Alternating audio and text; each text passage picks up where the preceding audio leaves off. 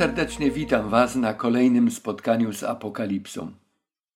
To już nasze trzecie spotkanie. Na poprzednim czytaliśmy pierwszy rozdział Apokalipsy i zauważyliśmy, że jego treść jest nie tylko interesująca, lecz głęboka. Mogliśmy przypomnieć sobie, kim jest nasz Bóg, jakimi sposobami przekazuje nam swoje poselstwo, jak bardzo mu zależy na tym, aby ono do nas dotarło. Dzisiaj chcemy się przygotować do studiowania kolejnych dwóch rozdziałów Księgi Objawienia. Tych rozdziałów, w których znajdujemy treści listów Jezusa Chrystusa do siedmiu zborów w Azji Mniejszej. Zapraszam Was do zapoznania się z ogólną charakterystyką tych poselstw. Tak właśnie nazwałem dzisiejsze spotkanie. Charakterystyka listów do siedmiu zborów. Traktuję to spotkanie jako przygotowanie, które powinno nam pomóc w lepszym zrozumieniu tych bardzo ważnych treści. Rozpocznijmy więc nasze spotkanie od modlitwy, bo jak wiemy, ten tekst powstał z woli Bożej pod natchnieniem Ducha Świętego i trzeba nam tej pomocy z góry, aby rozumieć to, co Bóg do nas chce powiedzieć. Stworzycielu Boże i Panie nasz, w imieniu Jezusa Chrystusa pragniemy Ci podziękować za to, że jesteś i podziękować za to, że nam pozwoliłeś się dzisiaj spotkać. Dziękujemy Ci, że będziemy mogli próbować przynajmniej zrozumieć nieco język i strukturę tej księgi, którą chcemy poznawać, tej księgi, którą chcemy zrozumieć. Niech imię Twoje będzie ubłogosławione. Oto w imieniu Jezusa Chrystusa proszę i proszę, abyś nas prowadził tak, jak potrafimy za Tobą nadążyć. Amen. Już na pierwszym naszym spotkaniu zetknęliśmy się z pojęciem apokalipsy jako gatunku literackiego. Dzisiaj powrócimy do niektórych z tamtych myśli i cech apokaliptycznych, jakie występują w Księdze Objawienia. Zrobimy to w tym celu, aby dokładniej im się przyjrzeć, aby je lepiej poznać.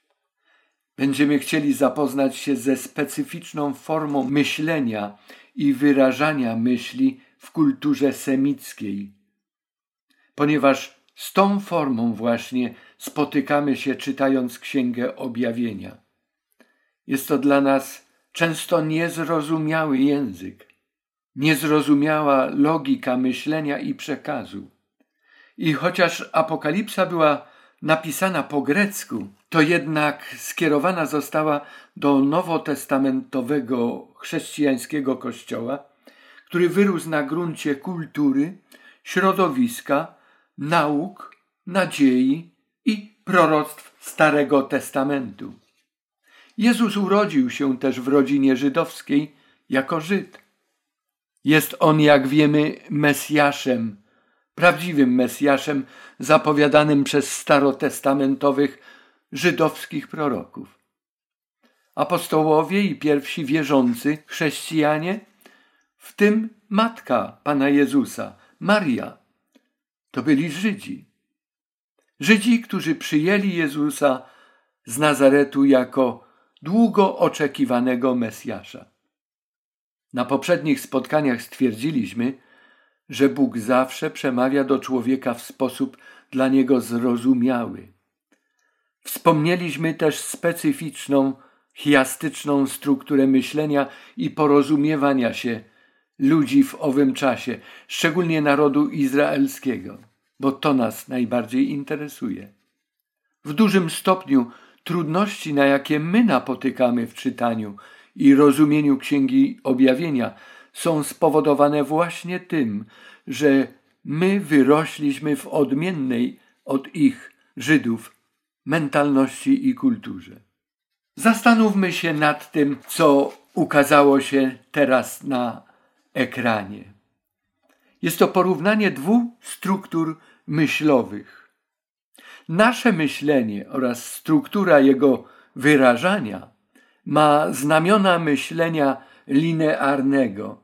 Rozpoczynamy od punktu A, od początku, kontynuujemy wątek, aż go dokończymy poprzez B, C, D i tak dalej, i tak dalej. W miarę jak przekazujemy informacje, słuchacz odbiera coraz więcej materiału do przemyślenia. To buduje jego wyobrażenie o tym, co chcemy przekazać. Inaczej natomiast jest z myśleniem i strukturą wyrażania myśli przez pisarzy biblijnych. Nie tylko w Apokalipsie widzimy te znamiona i tę strukturę, spotykamy ją także w części dydaktycznej Pisma Świętego, również w poezji. Jest to myślenie według konstrukcji chiastycznej. Dla wielu z nas może być to nowe zupełnie określenie, bo mało kiedy zajmujemy się żydowską literaturą, chociaż czytając Stary Testament zawsze mamy z nią do czynienia i mamy kłopoty ze zrozumieniem wielu rzeczy. Gdybyśmy się potrudzili, aby zrozumieć, jak wygląda ta chiastyczna strona myślenia semickiego, byłoby nam naprawdę łatwiej. Dzisiaj właśnie chcemy temu poświęcić sporo czasu.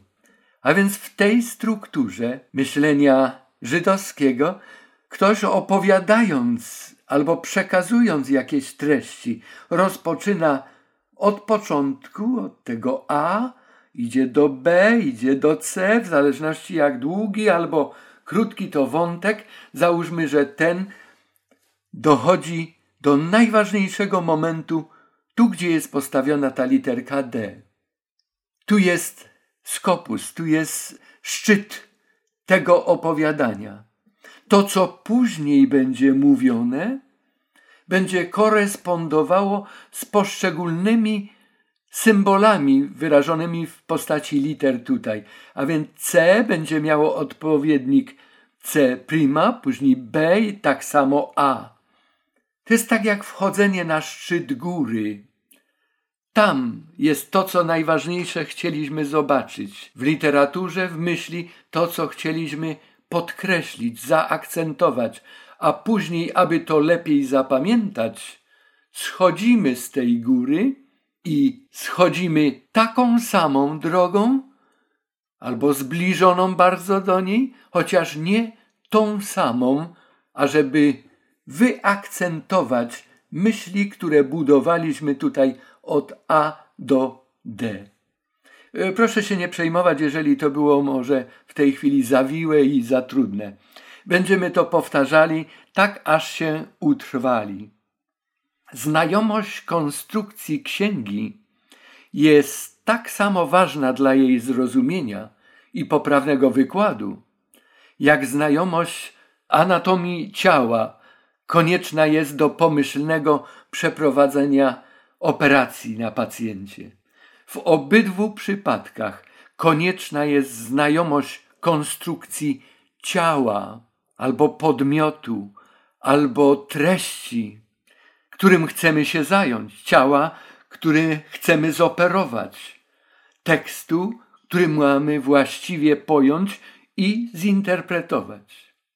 Po prostu trzeba wiedzieć o tym, jak przebiegają drogi układu nerwowego, mięśnie itd., tak itd. Tak oraz jak ułożone są wszystkie inne narządy w ciele człowieka. Wtedy możemy inteligentnie podejść do zadania i pomóc pacjentowi.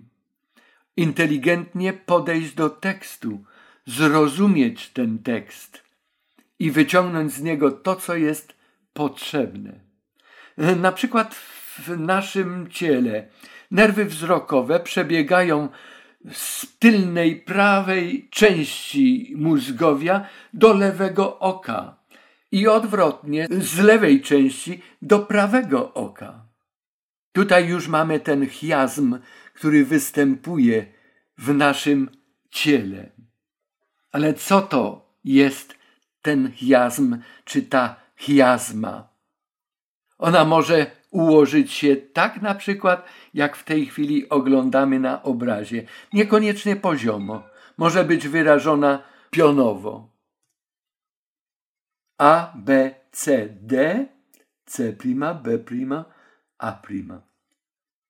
Zajmijmy się wobec tego bliżej tą strukturą literacką apokalipsy. Chiasma to jest e, wyraz, który po polsku tak samo brzmi jak po grecku. Tu mamy po grecku ją wypisaną chiasma. Wywodzi się od litery chi, jednej z liter alfabetu greckiego. Wygląda jak nasze X albo rzymska dziesiątka i oznacza skrzyżowanie, splecenie. Przykład. Znowu mamy ten sam symbol tej myśli chiastycznej od A do B, do C, do D i później powrót. Popatrzmy na te klamry, które łączą, żeby łatwiej nam było zapamiętać. A, początek, będzie miał odzwierciedlenie w samym zakończeniu. B, tej kontynuacji, będzie miał przed zakończeniem również odpowiednik przy schodzeniu, obrazowo mówiąc, z tej góry, na którą wspięliśmy się, by wyrazić najważniejszą myśl w środku. I C. Treść i to, co jest najważniejsze, jest zawsze w środku, skrzyżowaniu, w spleceniu się tych dróg naszego myślenia i rozumowania. Te części nachodzą na siebie, splatają się z sobą, tak jak te strzałki nam tutaj obrazują.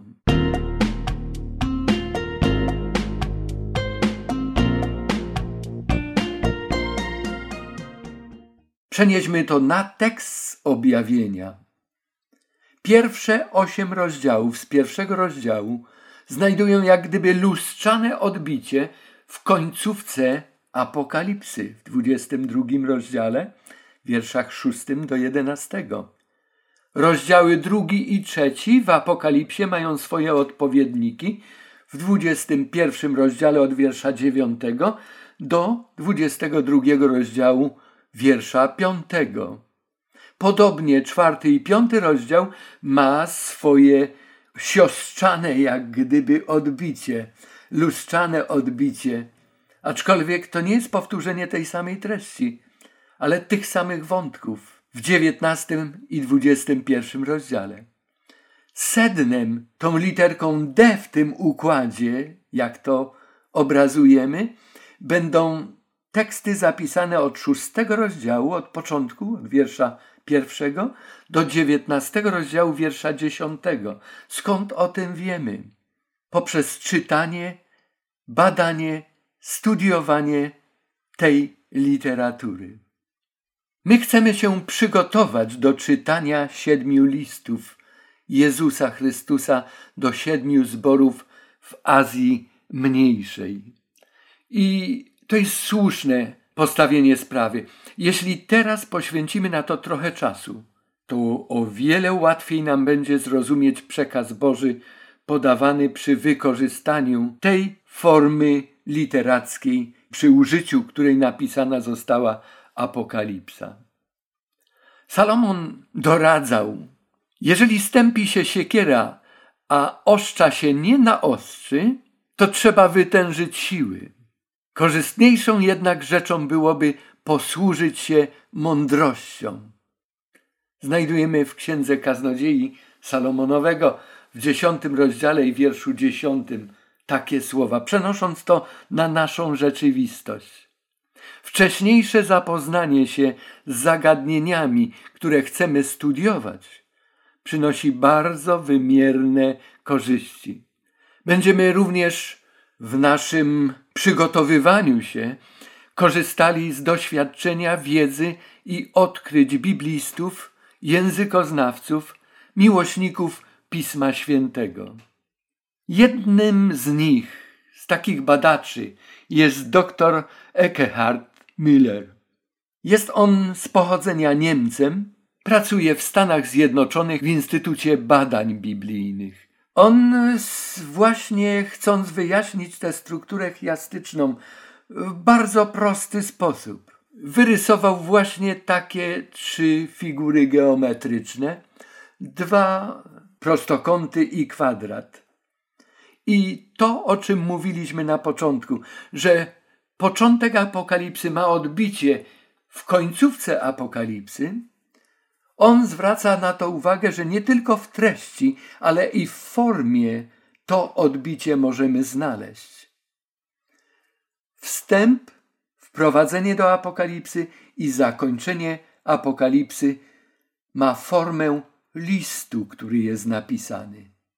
Natomiast sama treść apokalipsy, poza tymi dwoma miejscami, poza prologiem i epilogiem, to stanowi samo jądro tych wizji i te wizje wszystkie, jakie Jan otrzymał na wyspie Patmos i które nas interesują. Poświęcimy trochę więcej jeszcze czasu temu gatunkowi literackiemu i strukturze organizacyjnej Księgi Objawienia. Wcześniejsze zapoznanie się z zagadnieniami, które chcemy studiować, da nam wiele, wiele korzyści. Ekehard Miller przygotował też bardziej szczegółowy obraz chiazmy, jaki znajdujemy w Księdze Objawienia. Oglądamy przed sobą to samo, co widzieliśmy poprzednio, ale bardziej rozbudowane. Jest to mocno rozbudowana struktura chiastyczna, jaka występuje w Apokalipsie. Spoglądamy na ten przykład takiej konstrukcji myślowej. Treści występujące na początku księgi znajdują swój równoważnik tematyczny na jej końcu. Podobnie w przypadku kolejnych zagadnień. W konstrukcji chiastycznej główne zagadnienia natomiast znajdują się pośrodku księgi, pośrodku tego wywodu, pośrodku przekazu. Pokolorowałem je wszystkie, abyśmy mogli szybko odnosić się z prologu do epilogu, z kościoła walczącego do kościoła triumfującego, zbawczego działania Boga, z zakończenia tego działania. I wreszcie ostrzeżenia i osąd Boży, który tutaj znajduje się i jest dokładnie opisany tekstowo. Paralelna, chiastyczna forma wyrażania myśli to jest coś, co pomaga nam zrozumieć, jak to się dzieje, że prosty tekst może nabrać cech i formy chiastycznej tych skrzyżowań. Takich myśli, jak ta wyrażona tutaj po lewej stronie, Bóg jest dobry, Pan jest miłosierny, jest sporo na kartach Pisma Świętego. I to nazywamy paralelizmem. To jest podobieństwo tych dwóch członów. Bóg jest dobry, Pan jest miłosierny. Bóg i Pan to jest jedna i ta sama istota. Dobro i miłosierdzie do tej samej kategorii należą. Stwierdzenie, że jest, ukazuje nam po prostu ten konstans. On nie, że był, że będzie, on jest. I tutaj na to zwrócono uwagę, on jest cały czas. Jest dobry, cały czas jest miłosierny. Gdybyśmy odwrócili te dwa człony, pozostawili jeden, pierwszy niezmienny, a drugi odwrócili. Bóg jest dobry, miłosierny jest Pan, myśl jest ta sama, ale mamy już do czynienia z paralelizmem odwróconym. Podobieństwo odwrócone, nie tak jak pierwotnie zostało wyrażone. I to jest właśnie ten chiasm, gdy go sobie ułożymy w tym kształcie. Bóg na dole to A primo, Pan, B i B jest i C spotykają nam się dobry i miłosierny. W tym tekście, w obu jego członach, chodziło o dobroć i miłosierdzie Pana Boga. Popatrzmy na podobieństwa, które również Eckhard Miller wyprowadza. Takie podobieństwa moglibyśmy wyprowadzać z każdej części apokalipsy, a nieraz z poszczególnych mniejszych wątków, niemal z każdego widzenia w apokalipsie, który mamy. Tu jest porównanie prologu i epilogu. Pamiętamy, one były wyrażone w postaci tych prostokątów. Tu są podobieństwa słowne. Ukazać swoim sługom znajduje się i w pierwszym wierszu pierwszego rozdziału Apokalipsy, i w dwudziestym drugim rozdziale wierszu szóstym. Zawsze po lewej stronie mamy teksty z prologu, z epilogu po wyrażeniu tego podobieństwa nie tylko myśli, ale słów, dokładnych konstrukcji. To, co się stać ma wkrótce. Tutaj mamy taką myśl, Jezus posyła swojego anioła. Ta myśl to już nie jest słowne porównanie, ale znajduje się i w pierwszym, i w dwudziestym drugim rozdziale, dwukrotnie nawet w dwudziestym drugim rozdziale.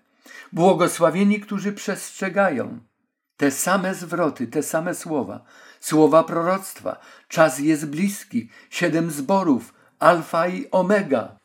Wszystko związane z podobieństwami słownymi prologu i epilogu.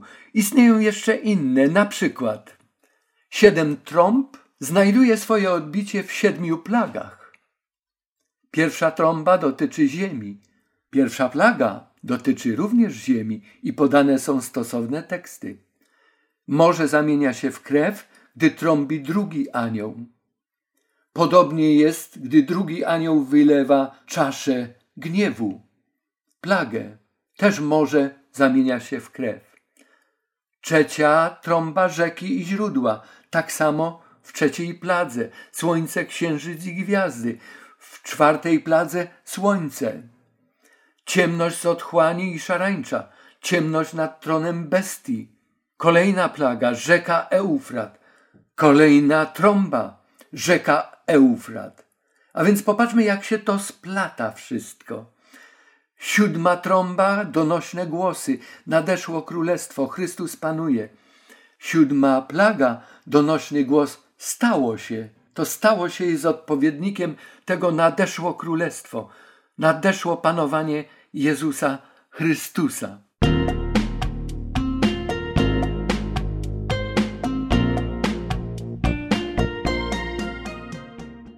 Popatrzmy teraz na strukturę chiastyczną całej księgi objawienia.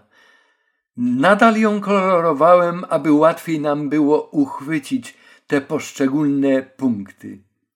Prolog na początku i na samym końcu epilog, które jak wcześniej stwierdziliśmy są do siebie bliźniaczo podobne. Kolejny punkt obietnice dla zwycięzcy. W odbiciu tym chiastycznym jest spełnienie tych obietnic, które tam były dane tym zwycięzcom. Działanie Boga dla zbawienia ludzkości w punkcie C. Zakończenie Bożego dzieła zbawienia ludzkości. Gniew Boga z domieszką miłosierdzia, punkt D. Narasta nam ta sytuacja. I to ma odpowiednik w tym układzie chiastycznym w punkcie D primo gniew Boga bez domieszki miłosierdzia, powołanie Jana do prorokowania. Kościół głosi Ewangelię w czasie końca. A co jest tym środkowym, najważniejszym tematem apokalipsy? To ta literka F nam obrazuje. To jest wielki bój pomiędzy Chrystusem i szatanem. Przy każdym z tych punktów mamy podane teksty. To jest bardzo ważne spostrzeżenie, na które ci, którzy badają Pismo Święte, niezależnie od tego, jaka jest ich przynależność denominacyjna, bibliści, studenci tych świętych tekstów, zauważyli to przy bardzo uważnym czytaniu z modlitwą z prośbą do Boga, aby pomógł zrozumieć nam, jak czytać objawienie, aby ją właściwie zinterpretować. Teraz zajmiemy się charakterystyką listów do siedmiu zborów. Najpierw nazwy zborów i ich znaczenie. Również już od początku dla ułatwienia później znalezienia się w treści, w tym układzie chiastycznym je będę przedstawiał. Pierwszy zbór Efes. Znaczenie tej nazwy pożądany. Obok każdej nazwy będziemy mieli znaczenie tej nazwy. To ma duże znaczenie przy późniejszym czytaniu. Smyrna, przyjemna woń goryczy. Pergam, wywyższenie. Tyjatyra, niestrudzona ofiara, albo przyjemna woń pracy, albo ofiara skruchy. Tak można tłumaczyć tę nazwę. I teraz popatrzmy, wracamy w tej chiaźmie. Sardes, który jest jak gdyby takim siostrzanym odbiciem tego, co w Pergamonie jest, ale na zasadzie przeciwieństwa. Odnowiony. Filadelfia koresponduje ze Smyrną. Filadelfia oznacza bratnia miłość. Laodyceja, lud sądu albo naród sprawiedliwy. To jest chiazma stworzona z nazw tych siedmiu zborów.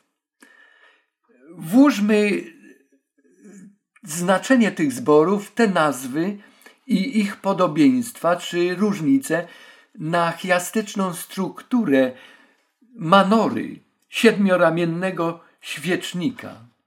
Zobaczcie, że te ramiona świecznika, który w Starym Testamencie był, one coś wyrażały. A więc A, B, C, D to jest ten chiasm budujący treści do punktu centralnego D i później odbicie tych treści, albo jak wolimy, o czym mówiliśmy, schodzenie z tej góry. Efes i Laodyceja. I kolorami oznaczyłem, i tutaj te ramiona są dużą pomocą do ułożenia tej chiazmy. Smyrna i Filadelfia. Pergam i Sardes. Tyjatyra zostaje tutaj sama. Teraz mamy nazwy zborów zamiast tych liter, które pomagały nam ten chiasm uchwycić i zrozumieć. Efes, Smyrna, Pergam, Tyjatyra, z drugiej strony Sardes, Filadelfia i Laodyceja. Co te zbory łączy z sobą? Brak miłości i legalizm. To jest coś, co łączy Efes z Laodyceją, Laodyceję z Efezem. Wierność to jest połączenie Smyrny i Filadelfii. Pergam i Sardes charakteryzują się kompromisem. Tyjatyra jest sama, ale jest to szczególne poselstwo, centralne poselstwo dla rzeczywistości i doświadczeń tych wszystkich zborów. Poselstwo do Tyjatyry jest ważne z tego powodu również, że ma dwa człony. Tym samym jest najdłuższym ze wszystkich poselstw skierowanych do któregokolwiek ze zborów. Tyjatyra jest zborem, w którym panoszyło się zło, ale w pewnym momencie zło zaczyna zwyciężać. Moglibyśmy dużo jeszcze mówić, w tej chwili aż pokusa istnieje taka, ale dopiero gdy dojdziemy do treści tych zborów, wtedy się nad nimi szczególnie zastanowimy.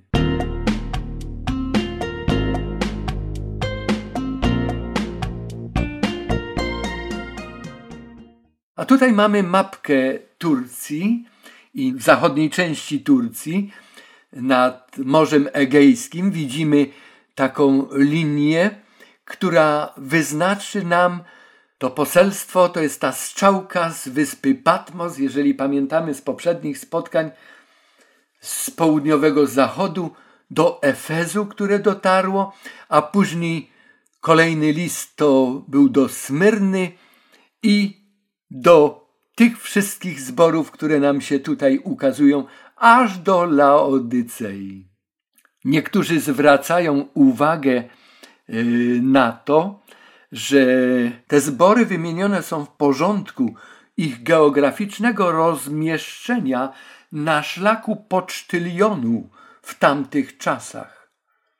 A więc gdy poczta była dostarczana, jakiekolwiek poselstwo miało dotrzeć do tych miejscowości jeszcze dalej w Azji Mniejszej, to rozpoczynało się zazwyczaj od Efezu i wędrowało na północ aż do Smyrny, czyli do Izmiru i później drogą schodziło w kierunku Laodycei. Niektórzy zwracają uwagę, że kształt tej drogi, tego szlaku przypomina jak gdyby taki niezamknięty owal, trochę niekształtny, ale również niekształtną siódemkę. No ale to już są nasze spostrzeżenia i domysły. Obecnie potrzeba trzech dni, aby zwiedzić te wszystkie miejsca. Objechać i zobaczyć samochodem można w ciągu jednego dnia, jeszcze nam czasu zostanie, ale zwiedzić i zastanowić się nad tymi szczątkami, które pozostały z tamtych miast, chociaż niektóre są rozbudowane i piękniejsze niż wtedy były, to potrzeba około trzech dni. Każdy list napisany do każdego z siedmiu zborów, jego treść składa się z siedmiu części. One są w tej chwili przedstawiane na ekranie. A więc każdy jest nazwany, więc adresat pojawia się, przedstawienie się Jezusa, pochwała, zachęta, ocena stanu zboru albo nagana, zachęta do wytrwałości albo do dokonania zmian, obietnica dla zwycięzcy i wezwanie do słuchania uważnego. Tak jak wszędzie, we wszystkim, co jest objęte jakimiś prawidłami, jakimiś regułami, są wyjątki. I w poselstwie do siedmiu zborów też są wyjątki. W pionowej kolumnie po lewej stronie mamy nazwy zborów, a w poziomej do nich te wszystkie cechy, te części, na które zwracaliśmy uwagę. A więc autor, pochwała, nagana, zachęta albo napomnienie, wezwanie i obietnica. Ale są tutaj, jak powiedziałem, wyjątki. Laodyceja, tu gdzie ten krąg czerwony y, wokół napisu się pojawił, Laodyceja nie ma pochwały. Natomiast Smyrna i Filadelfia nie mają nagany. Chrystus nie ma im nic do zarzucenia. Laodycei nie ma za co pochwalić. Co więcej, trzy pierwsze zbory mają ten układ wezwanie jako szósta część listu i siódma obietnica.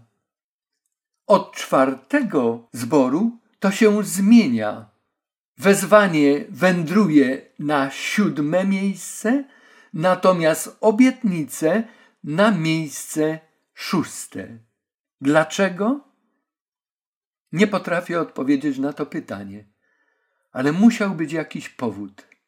Chyba warto byłoby jeszcze poczekać, jeżeli Bóg uzna za słuszne, prawdopodobnie dowiemy się w stosownym czasie.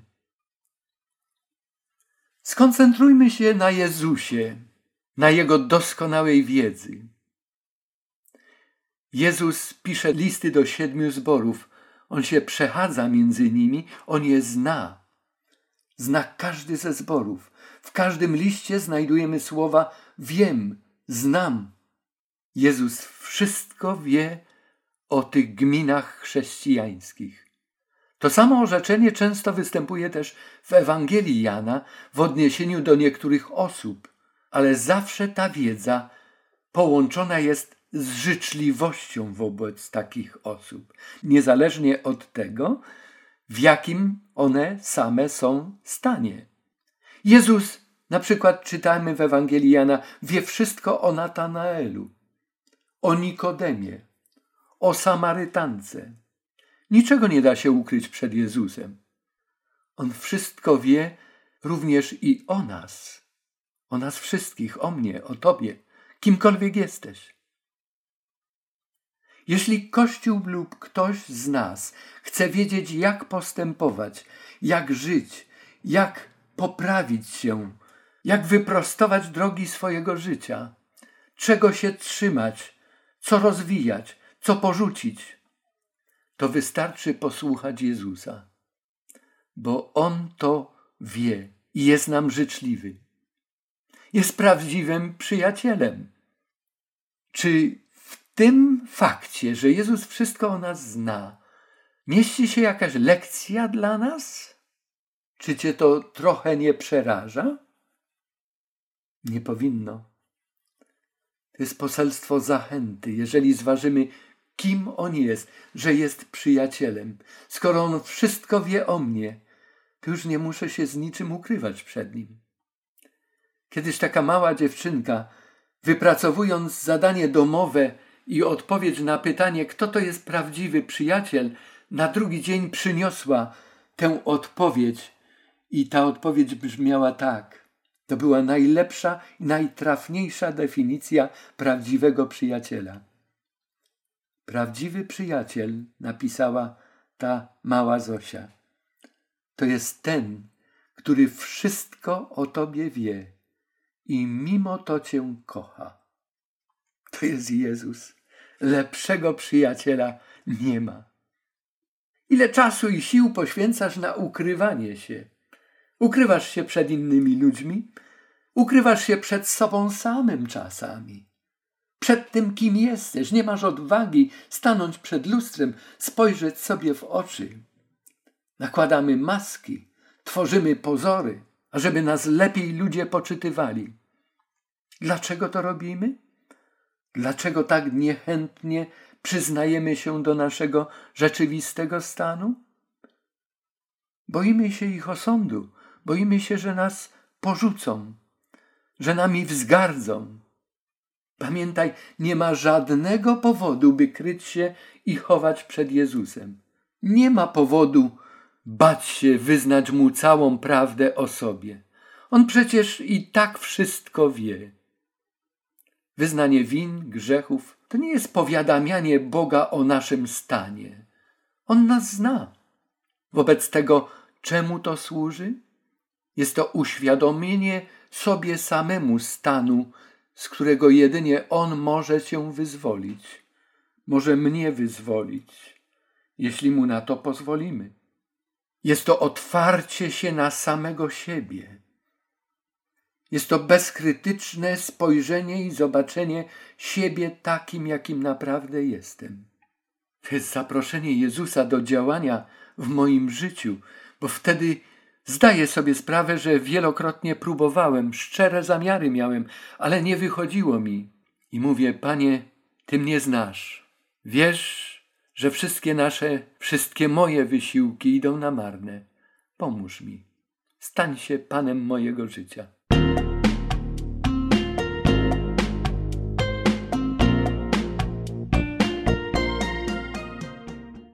Jezus Chrystus każdemu zborowi przedstawia się inaczej, a przedstawia się zawsze powołując się na te atrybuty, które Jan zauważył, gdy widział Jezusa. Opisał to w pierwszym rozdziale. Z tym tekstem już zapoznawaliśmy się, ale nie zatrzymywaliśmy się nad nim długo. Dlatego, że wiedziałem i zapewne wielu z Was wiedziało, że te atrybuty, te cechy, ten wygląd powtórzy nam się w poselstwie do siedmiu zborów. Do Efezu mówi: Ja mam siedem gwiazd w swojej dłoni i przechodzę się pomiędzy siedmioma świecznikami. Dlaczego tak? Zaczekajmy może zaspokojeniem tej ciekawości, a to nie tylko zaspokojenie ciekawości, ale bardzo ważne przesłanie z którym się zetkniemy, gdy studiować będziemy treści listów. Smyrnie przedstawia się jako ten, który zmarł i powstał do życia. I był konkretny powód, że tak się przedstawił. Do Pergamonu powiedział: Ja mam ostry miecz wychodzący z moich ust. Tyjatyra, Jezus tam się przedstawia jako syn Boży o płonących oczach i stopach jak rozpalony brąz. Popatrzmy, te teksty nam wyjaśnią tę symbolikę, nad którą próżno byśmy się trudzili w pierwszym rozdziale. Mogliśmy częściowo to zrozumieć, powołując się na teofanie starotestamentowe już, że to było pojawienie się istoty boskiej, bo tak zawsze te opisy towarzyszyły tej wizji, którą otrzymywał prorok, gdy spotykał się w widzeniu z Bogiem, ale tutaj nam się one wyjaśnią dokładnie. Sardes dowiaduje się, że Jezus ma siedem duchów bożych i siedem gwiazd. Ta symbolika w pierwszym rozdziale została wyjaśniona, ale to było skrótowe wyjaśnienie. Tu dowiemy się znacznie więcej. Filadelfia dowiaduje się, że Chrystus przychodzi do nich jako święty i prawdziwy, który ma klucze. Jako taki przedstawiony jest Chrystus również w szóstym rozdziale.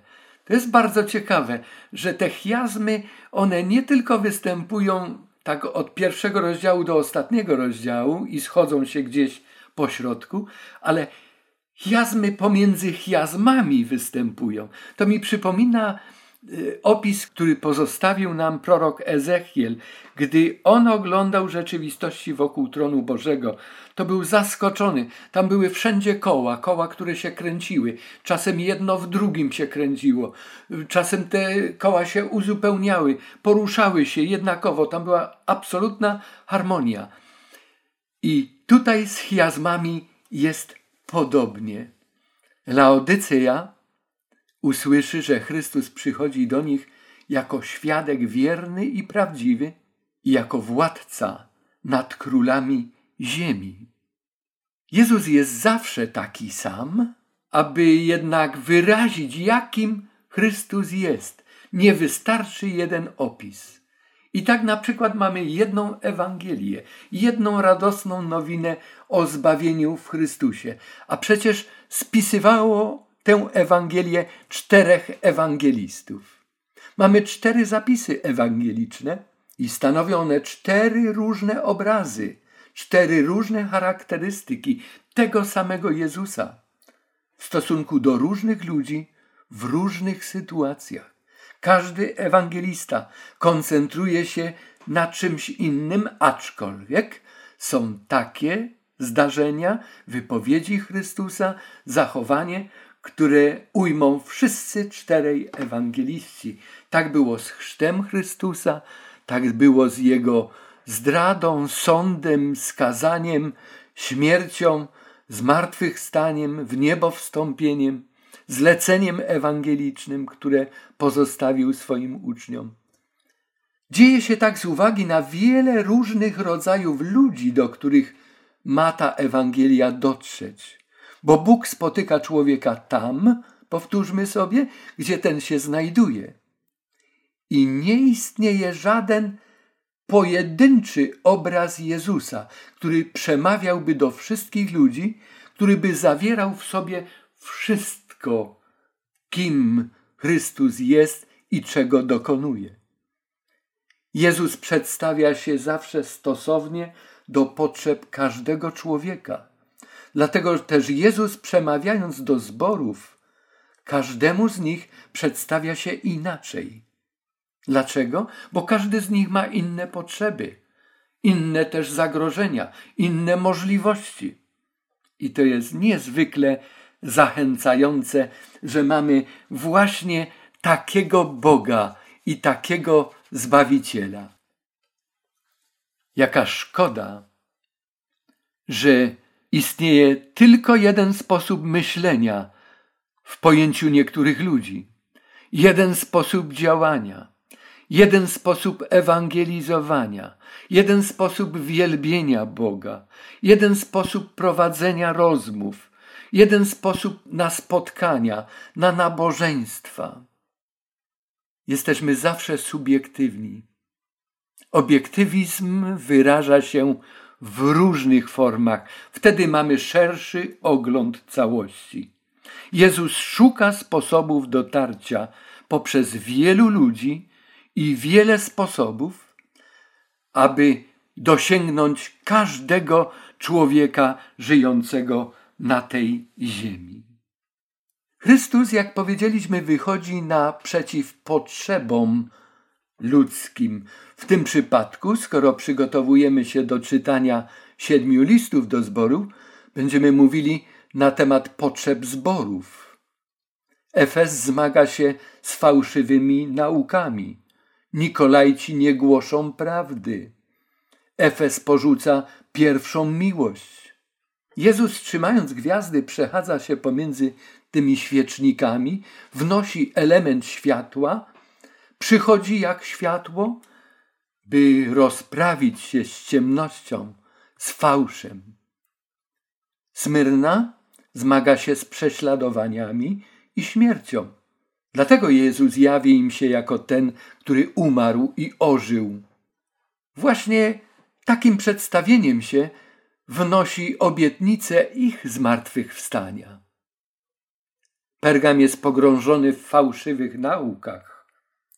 Jezus przybywa jako sędzia z obosiecznym mieczem, by dokonać podziału między prawdą i kłamstwem. Tyjatyra rządzi tam bałwochwalcza królowa Jezabel. Jezus przybywa jako prawdziwy władca do tego zboru. Sardes pogrążył się we śnie.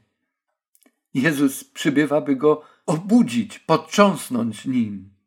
Przychodzi z tym ożywczym swoim duchem. Filadelfia jest bardzo słaba, ma mało możliwości, mało sił. Dlatego Jezus rozumie ten stan i stawia przed tym zborem drzwi otwarte, aby nie musiał się trudzić, aby mógł łatwo realizować swoje chrześcijańskie życie. Laodycea to zbór letni, apatyczny i zadowolony przy tym z siebie. Chrystus oferuje mu swoje wierne świadectwo, twórczą moc. Zbór jest w takim stanie, że jedyną szansą jest stworzenie go od nowa. Zbory są różne, ale Jezus pozostaje taki sam. Każdy zbór z uwagi na doświadczenia i przeżycia będzie mógł zobaczyć i poznać i rozwinąć szczególną cechę Jezusa świadczącą o tym, kim On jest. Właśnie te przeżycia z Jezusem, ta relacja jest bardzo ważna. Każdy z nas będzie zdolny przedstawić Jezusa ludziom w taki sposób, jak nikt inny nie będzie mógł tego zrobić, bo Chrystus ratując nas, wysyła nas do innych ludzi, podobnych do nas w doświadczeniu. Wtedy będziemy mogli do takiej bratniej duszy trafić z poselstwem, bo opowiemy im, opowiemy tej osobie, jak cudowny Bóg jest, jak zlitował się nade mną. A jeżeli nade mną się zlitował, to dla ciebie również jest nadzieja, jest obietnica. Jaki obraz Jezusa przedstawia ludziom Twój zbór? Jaki obraz Jezusa przedstawiasz Ty indywidualnie ludziom? Pamiętajmy, że jest to jeden z wielu sposobów świadczenia ludziom o Jezusie. Poprzez wewnętrzne relacje współwyznawców, a także nastawienie do ludzi grzesznych i zgubionych, myślemy poselstwo o skutecznej przemianie, której Chrystus dokonał w nas i którą oferuje innym ludziom. Zbór nie musi, a nawet nie powinien przedstawiać światu Jezusa w taki sam sposób, jak czynią to inne zbory. Ale jest zobowiązany do pokazania Jezusa takim, jakim On objawił się temu zborowi. jak w tym zborze realizuje swoje zbawienie, jak pomaga, jak strofuje, jak błogosławi, jak zachęca, jak podnosi. Nie usiłujmy powtarzać, co ktoś już robi, a my się tego musimy nauczyć dopiero. Jeżeli z Bogiem przeżywamy rzeczywistość, to pobraliśmy najlepszą lekcję. Tę lekcję realizujmy w kontaktach z innymi ludźmi. Nie bądźmy teoretykami. Chrystus właśnie ubrany, o czym już wcześniej mówiliśmy, jak najwyższy kapłan, wśród tych świeczników się przechodzi. On światłość świata, bo tak jak kapłan, to on oporządzał i zapalał te świeczniki, tę manorę. Tak Chrystus jako światło jest wśród zborów, jest w swoim kościele i On jest natchnieniem dla nas wszystkich. Ofertę, którą proponuje Chrystus, to oferta, która jest jak garnitur, uszyta dokładnie dla tego, kto ją otrzymuje. Każdy ze zborów otrzymuje bowiem ofertę tych cech Chrystusa, które wychodzą naprzeciw jego potrzebom, potrzebom tego zboru. Każdy ze zborów jest inny, przeżywa inne doświadczenia i nic też dziwnego, że każdy z nich spotyka się, tu w cudzysłowie musimy ująć, z takim Chrystusem, który zaspokaja jego potrzeby.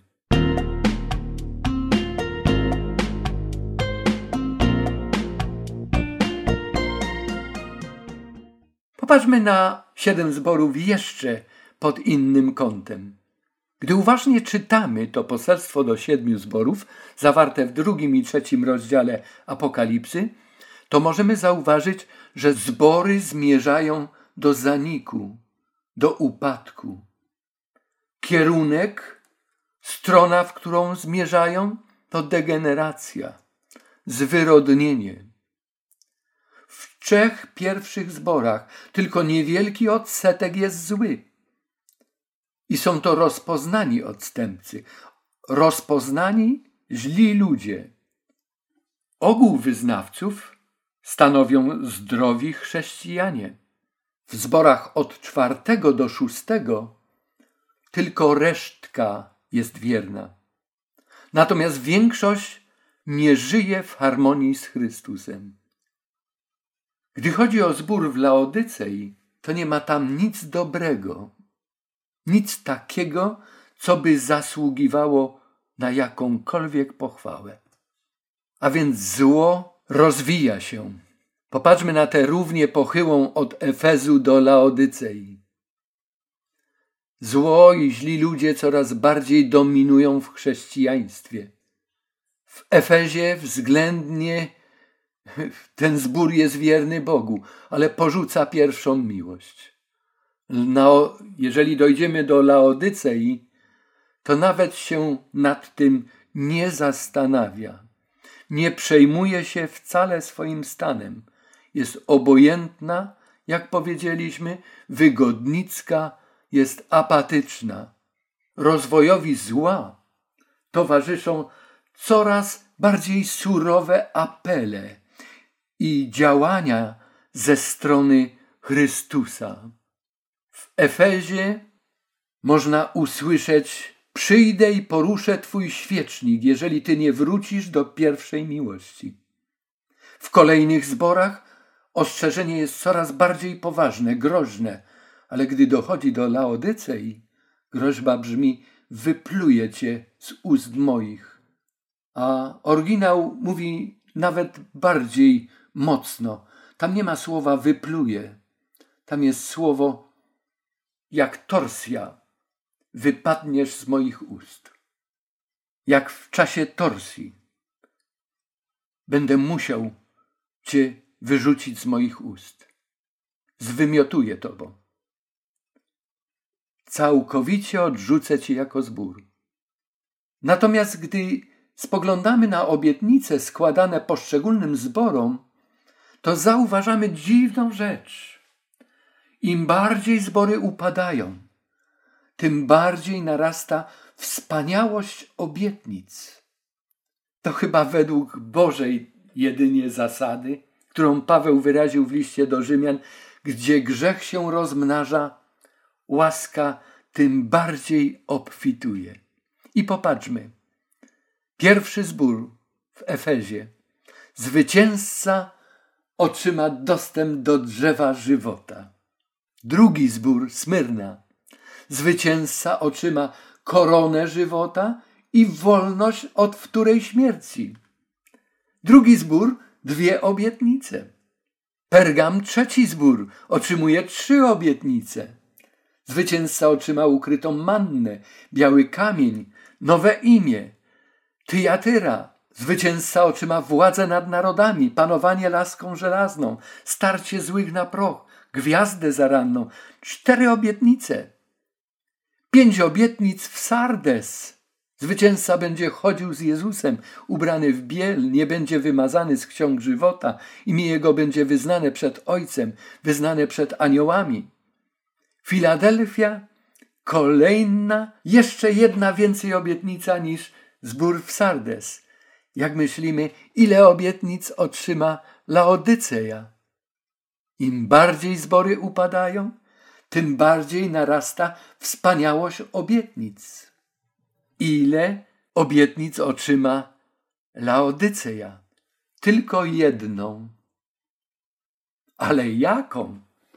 Zwycięzca zasiądzie z Jezusem na jego tronie. Stoi jedna obietnica, zawierająca w sobie wszystkie dwadzieścia jeden obietnic, danych razem wszystkim poprzednim zborom, gdy je sumujemy. Czy to nie dziwne? Czy to nie cudowne? Upadek czystości i wierności, a z drugiej strony progresja obietnic. Każdy następny zbór otrzymuje więcej obietnic niż potrzebny. Dlaczego? Bo ma większe potrzeby, ma większe kłopoty. Taki jest Bóg. Im masz większe kłopoty i wydaje ci się, że jesteś niczego niegodny i do niczego się nie nadajesz, on wie, że się nadajesz, tylko przyjmij jego wołanie. Otwórz mu drzwi, pozwól mu zamieszkać w swoim życiu. Tylu, ilu czytelników Apokalipsy, prawie że tyle samo komentarzy do tej księgi, tyle pomysłów na znaczenie wizji. Od czego to jest uzależnione? I znowu ludzie, którzy zajmują się tymi zagadnieniami, stwierdzili, że istnieją cztery szkoły, cztery kierunki interpretacji proroctw biblijnych. Zresztą nie tylko Apokalipsy, ale i innych ksiąg. Preteryzm, futuryzm, historyzm i idealizm. Tutaj zaznaczone są środowiska, wśród których dominują albo które opowiadają się za którymś z kierunków, za którąś ze szkół wykładni proroczych. Ciekawe, że pierwsze trzy, preteryzm, futuryzm i historyzm, eliminują niejako idealizm. Natomiast idealizm eliminuje wszystkie trzy poprzednie. Jak gdyby główna linia frontu znajduje się pomiędzy trzema szkołami, preteryzmem, futuryzmem i historyzmem, a idealizmem. I w drugą stronę działa to dokładnie tak samo. Na czym polega ten kierunek preteryzmu?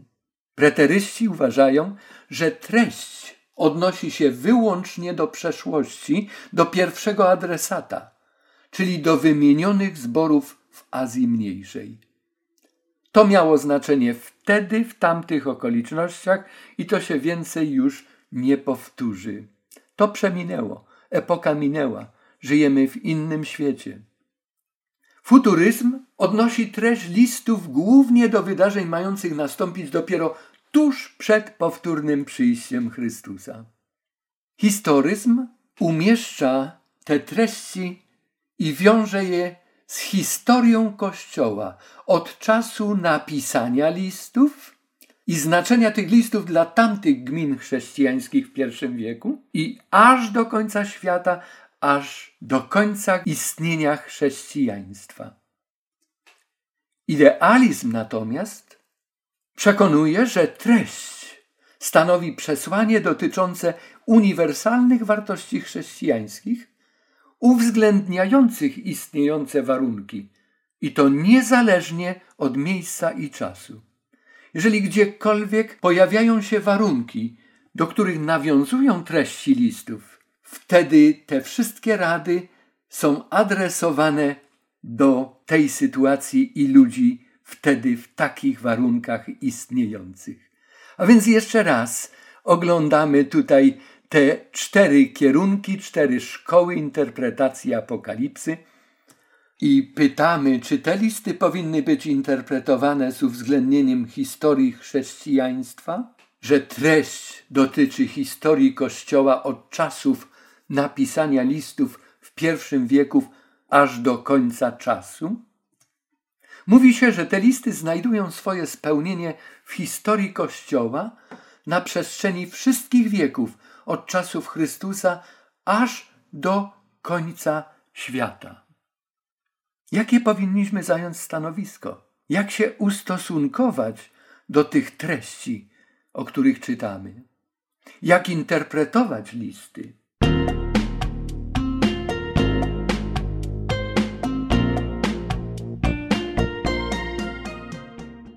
W objawieniu liczba siedem ma swoje szczególne znaczenie. Oznacza pełnię, w niektórych przypadkach doskonałość, coś, co jest pochodzenia boskiego, coś, czemu sprostać może tylko Bóg, nawet w odniesieniu do człowieka, który jest słaby, jeśli ten mu pozwoli, aby działał w jego życiu. Zbory, do których adresowane są listy, reprezentują oczywiście wszystkie zbory nie tylko w Azji Mniejszej, ale i na innych miejscach w całym okresie historii chrześcijaństwa.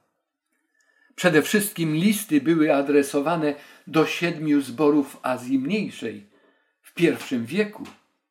Ale w Azji Mniejszej istniało wówczas więcej zborów niż siedem wymienionych. Na przykład Troada, Kolosy. Dlaczego pominięto te zbory, a wybrano właśnie te siedem, które wybrano? Jeszcze jedna kwestia. Co oznaczają słowa, kto ma uszy, niechaj słucha, co duch mówi zborom. Nie zborowi, w którego liście taka notatka się znalazła, tylko zborom, czyli czytelnicy, czy to w Efezie, czy w Tyjatyrze, czy w Sardzie, czy w Laodycei i innych zborach mieli się interesować również treściami, które zapisane zostały w listach do tamtych zborów. Dlaczego? Co to oznacza? Filip Schaff, historyk Kościoła, podzielił historię chrześcijaństwa na siedem podstawowych okresów. Pierwszy apostolski okres, okres prześladowań, problemów Kościoła, kompromisu, ciemne średniowiecze, okres reformacji, protestancka ortodoksja, nacisk na doktrynę, okres niewiary i ogólnoświatowej misji. Czy miał rację? Był historykiem, był chrześcijaninem, znał Pismo Święte. Czy kierował się listami do siedmiu zborów, czy niezależnie interpretował historię, a później zetknął się z poselstwem do siedmiu zborów? W dalszym ciągu pozostaje dla nas to pytanie, jak interpretować te poselstwa. Zastanawiając się nad zawartością listów, zastanowimy się też nad możliwością odniesienia ich treści do historii Kościoła. Istnieją dowody świadczące o tym, że charakterystyka siedmiu zborów dość dokładnie przystaje do okresów, na jakie Filip Szaf podzielił historię Kościoła. Zastanowimy się nad wnioskami, jakie wypływają z tych faktów. Czy Bóg wybierając te siedem zborów i szeregując je w takim, a nie innym porządku, zawarł w tym tekście scenariusz wydarzeń, jakie następować będą Kościele na ziemi od wniebowstąpienia aż do jego chwalebnego powrotu? Są bardzo ważkie pytania, na które trzeba nam znaleźć jakąś odpowiedź. Chcę zwrócić Waszą uwagę też na interesujący szczegół. W ostatnim przesłaniu do swojego kościoła w czasie szóstej plagi Jezus zawarł poselstwo, które już wcześniej umieścił w liście do Laodycei. A więc zbór laodycejski otrzymuje ten list w pierwszym wieku naszej ery, a pewne najważniejsze treści z tego listu otrzymują chrześcijanie tuż przed powtórnym przyjściem Jezusa Chrystusa w czasie szóstej plagi. Szesnasty rozdział Apokalipsy, wiersz piętnasty. Oto przychodzę jako złodziej. Błogosławiony ten, który czuwa i pilnuje szat swoich, aby nie chodzić nago i aby nie widziano sromoty jego. Poselstwo do Laodycei. Ponieważ mówisz, jestem bogaty, zbogaciłem się, niczego nie potrzebuję, a nie wiesz, żeś ty pożałowania godzien nędzarz i biedak, ślepy i goły? Radzę ci, abyś nabył u mnie złota w ogniu wypróbowanego, abyś się zbogacił i abyś przyodział szaty białe, aby nie wystąpiła na jaw haniebna nagość twoja oraz maści, by nią namaścić oczy twoje, abyś przejrzał. Czy Laodycea bierze sobie do serca ten apel? W czasie szóstej plagi Bóg mówi: Błogosławiony ten, który czuwa i pilnuje szat swoich, aby nie chodzić nago i aby nie widziano sromoty jego. Tu jest zachęta do zaopatrzenia się w te szaty. Wiemy, że chodzi o szatę sprawiedliwości Chrystusa, a w czasie plag już nie ma czasu, aby je nabyć. Już wierzący je mają i mówi: Teraz błogosławiony jest ten, kto czuwa i pilnuje szat swoich, aby nie utracić tych szat. Ciekawy to szczegół, ale on przemawia za tym, że nie da się oderwać poselstwa do siedmiu zborów z historią chrześcijaństwa w ogóle. W końcowym etapie walki dobra ze złem wierzący wzięli sobie do serca rady skierowane do zboru w Laodycei. Każdy list w swojej treści odnosi się do czterech podmiotów: do nazwy i historii miasta, w którym jest zbór, do samego zboru, do szczególnego okresu w historii chrześcijaństwa i indywidualnie do każdego naśladowcy Jezusa. I tu chciałbym chwileczkę zastanowić się nad tym, czy wobec tego słuszną rzeczą jest trzymanie się kurczowo jakiegoś jednego kierunku interpretacji, jakiejś jednej szkoły interpretacyjnej? Czy idealizm nie wiąże się właśnie z tym ostatnim punkcie tutaj, że to poselstwo odnosi się indywidualnie do każdego naśladowcy Jezusa, naśladowcy, który ma potrzeby, na które zwrócono uwagę w treści listu. Czy nie jest rzeczą słuszną, że do szczególnego okresu historii chrześcijaństwa przemawiają te treści i odnoszą się i do samego zboru, i do nazwy i historii miasta, w którym jest zbór, czyli do warunków, w jakim ci chrześcijanie tam zaistnieli? Nie jest rzeczą dobrą uprzeć się na coś jednego i pomijać wszystko, co jest obok. To jest jak gdybyśmy sobie klapki założyli na oczy i nie widzieli nic, tylko to, co jest moje, co ja uznałem za słuszne. Nie. Bóg, jak mówiliśmy, wieloma sposobami przemawia do nas. Różnie się przedstawia. Każdy człowiek jest inny. A więc warto chyba zwrócić uwagę przynajmniej na te dwa kierunki, jakim jest historyzm i idealizm. Ale to nie wyklucza również i tej myśli, że poselstwo odnosi się, jak preteryści mówią, do zboru pierwszego, z pominięciem tego wątku, tylko do tego zboru.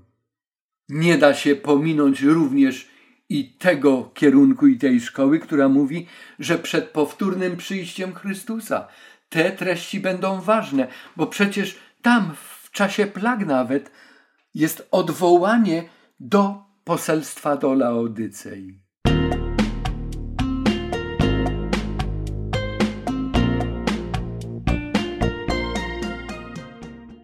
Jezus jest prawdziwym przyjacielem. Wie wszystko o każdym człowieku. Nie możemy go ani zaskoczyć, ani przerazić, ani zniesmaczyć sobą, ani też od siebie odepchnąć.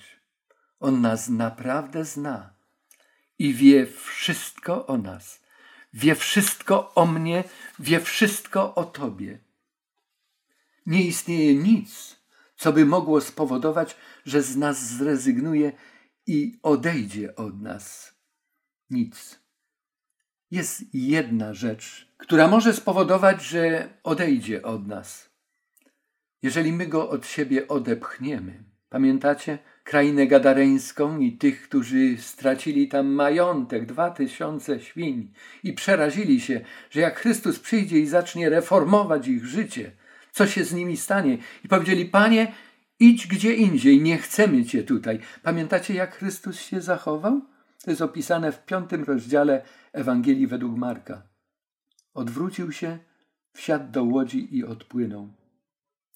Ale to nie znaczy, że rezygnował z Gadareńczyków. Zostawił tam tego człowieka uzdrowionego i polecił mu: idź do swoich, do domu, do rodziny i powiedz im, jak bardzo Bóg miłuje Ciebie, jak się nad Tobą zlitował, jak pragnie zlitować się nad wszystkimi innymi. Ale jeżeli definitywnie my z Niego rezygnujemy i odchodzimy, On nie będzie na siłę niczego robił, czego nie zaakceptujemy. Apostoł Paweł, który przeżył takie doświadczenie, Paweł, który był zarozumiałym faryzeuszem, prześladowcą chrześcijan, zdezorientowanym chwalcą Boga Izraela. Chrystus powiedział, że tak jak Szaweł starsu się zachowywał, tak w chrześcijaństwie zachowywać się będą ci, którzy uważają, że Bogu chlubę przynoszą i przysługę czynią, będą zabijać innych i prześladować, którzy myślą nieco inaczej niż oni sami. Takim był Szaweł Starsu, ale gdy spotkał się naprawdę z Mesjaszem, z Chrystusem, został jego żarliwym naśladowcą, jego uczniem. Był tępiony z tego powodu, że wierzył w Jezusa Chrystusa. I on powiedział: Ja wiem, komu uwierzyłem. I jestem pewien tego, że ani śmierć, ani życie, ani aniołowie, ani potęgi niebieskie, ani teraźniejszość, ani przyszłość, ani moce, ani wysokość, ani głębokość, ani żadne inne stworzenie nie zdoła nas odłączyć od miłości Bożej, która jest w Chrystusie Jezusie, Panu naszym. Obyśmy sobie nie pozwolili na to, żeby cokolwiek nas od tej miłości oddzieliło. Czuję w tej chwili taką potrzebę, abyśmy podziękowali Bogu za to dzisiejsze spotkanie i za to, że On tak bardzo nas miłuje. Stwórco i Panie nasz, dziękujemy Ci za dzisiejsze spotkanie. Dziękujemy Ci za to, że otwierasz nam oczy na rzeczywistości nie tylko związane ze zborami, które istniały w pierwszym wieku naszej ery, ale otwierasz mi moje oczy na mnie samego, na środowisko, w którym jestem, na ludzi potrzebujących pomocy i wiedzy o Tobie, radosnej wieści o tym, że jesteś ich przyjacielem, że wszystko o nich wiesz, tak jak o nas wiesz i jesteś nam życzliwy. Nie opuszczasz nas, nie porzucasz. Im większe mamy kłopoty i problemy, w większym stopniu jesteś nami zainteresowany. Bądź uwielbiony, drogi Ojcze, w imieniu Jezusa Chrystusa. I Tobie, drogi Jezu Chryste, i Duchowi Świętemu dziękujemy za zachowanie tego przekazu w takim stanie, jaki do nas dotarł. Przekazu zawartego w Apokalipsie. Amen. Dziękuję za obecność podczas dzisiejszego rozważania. Kolejne spotkanie wprowadzi nas w treść listów skierowanych przez Jezusa Chrystusa do zborów w Efezie i w Smyrnie. Podczas każdego następnego spotkania zajmować się będziemy poselstwami do dwóch kolejnych zborów. Jedynie poselstwo do siódmego zboru, laodycejskiego zboru, zajmie nam całe nasze spotkanie. Serdecznie zapraszam Was na to kolejne i następne spotkania z Apokalipsą. Niech Bóg Was błogosławi, niech błogosławi Wasze domy, Wasze rodziny, niech pomaga Wam w pracy, w szkole, czymkolwiek się zajmujecie. I nie zapomnijmy nigdy, że On nas zna, wie o nas wszystko i kocha. Mimo wszystko nas kocha. Chwała Mu za to. Zadanie domowe. Zapraszam Was do zapoznawania się już z poselstwami do tych dwóch zborów w Efezie i w Smyrnie, zanim się spotkamy. Treść jest zapisana w Apokalipsie w drugim rozdziale od wiersza pierwszego do jedenastego. Do usłyszenia.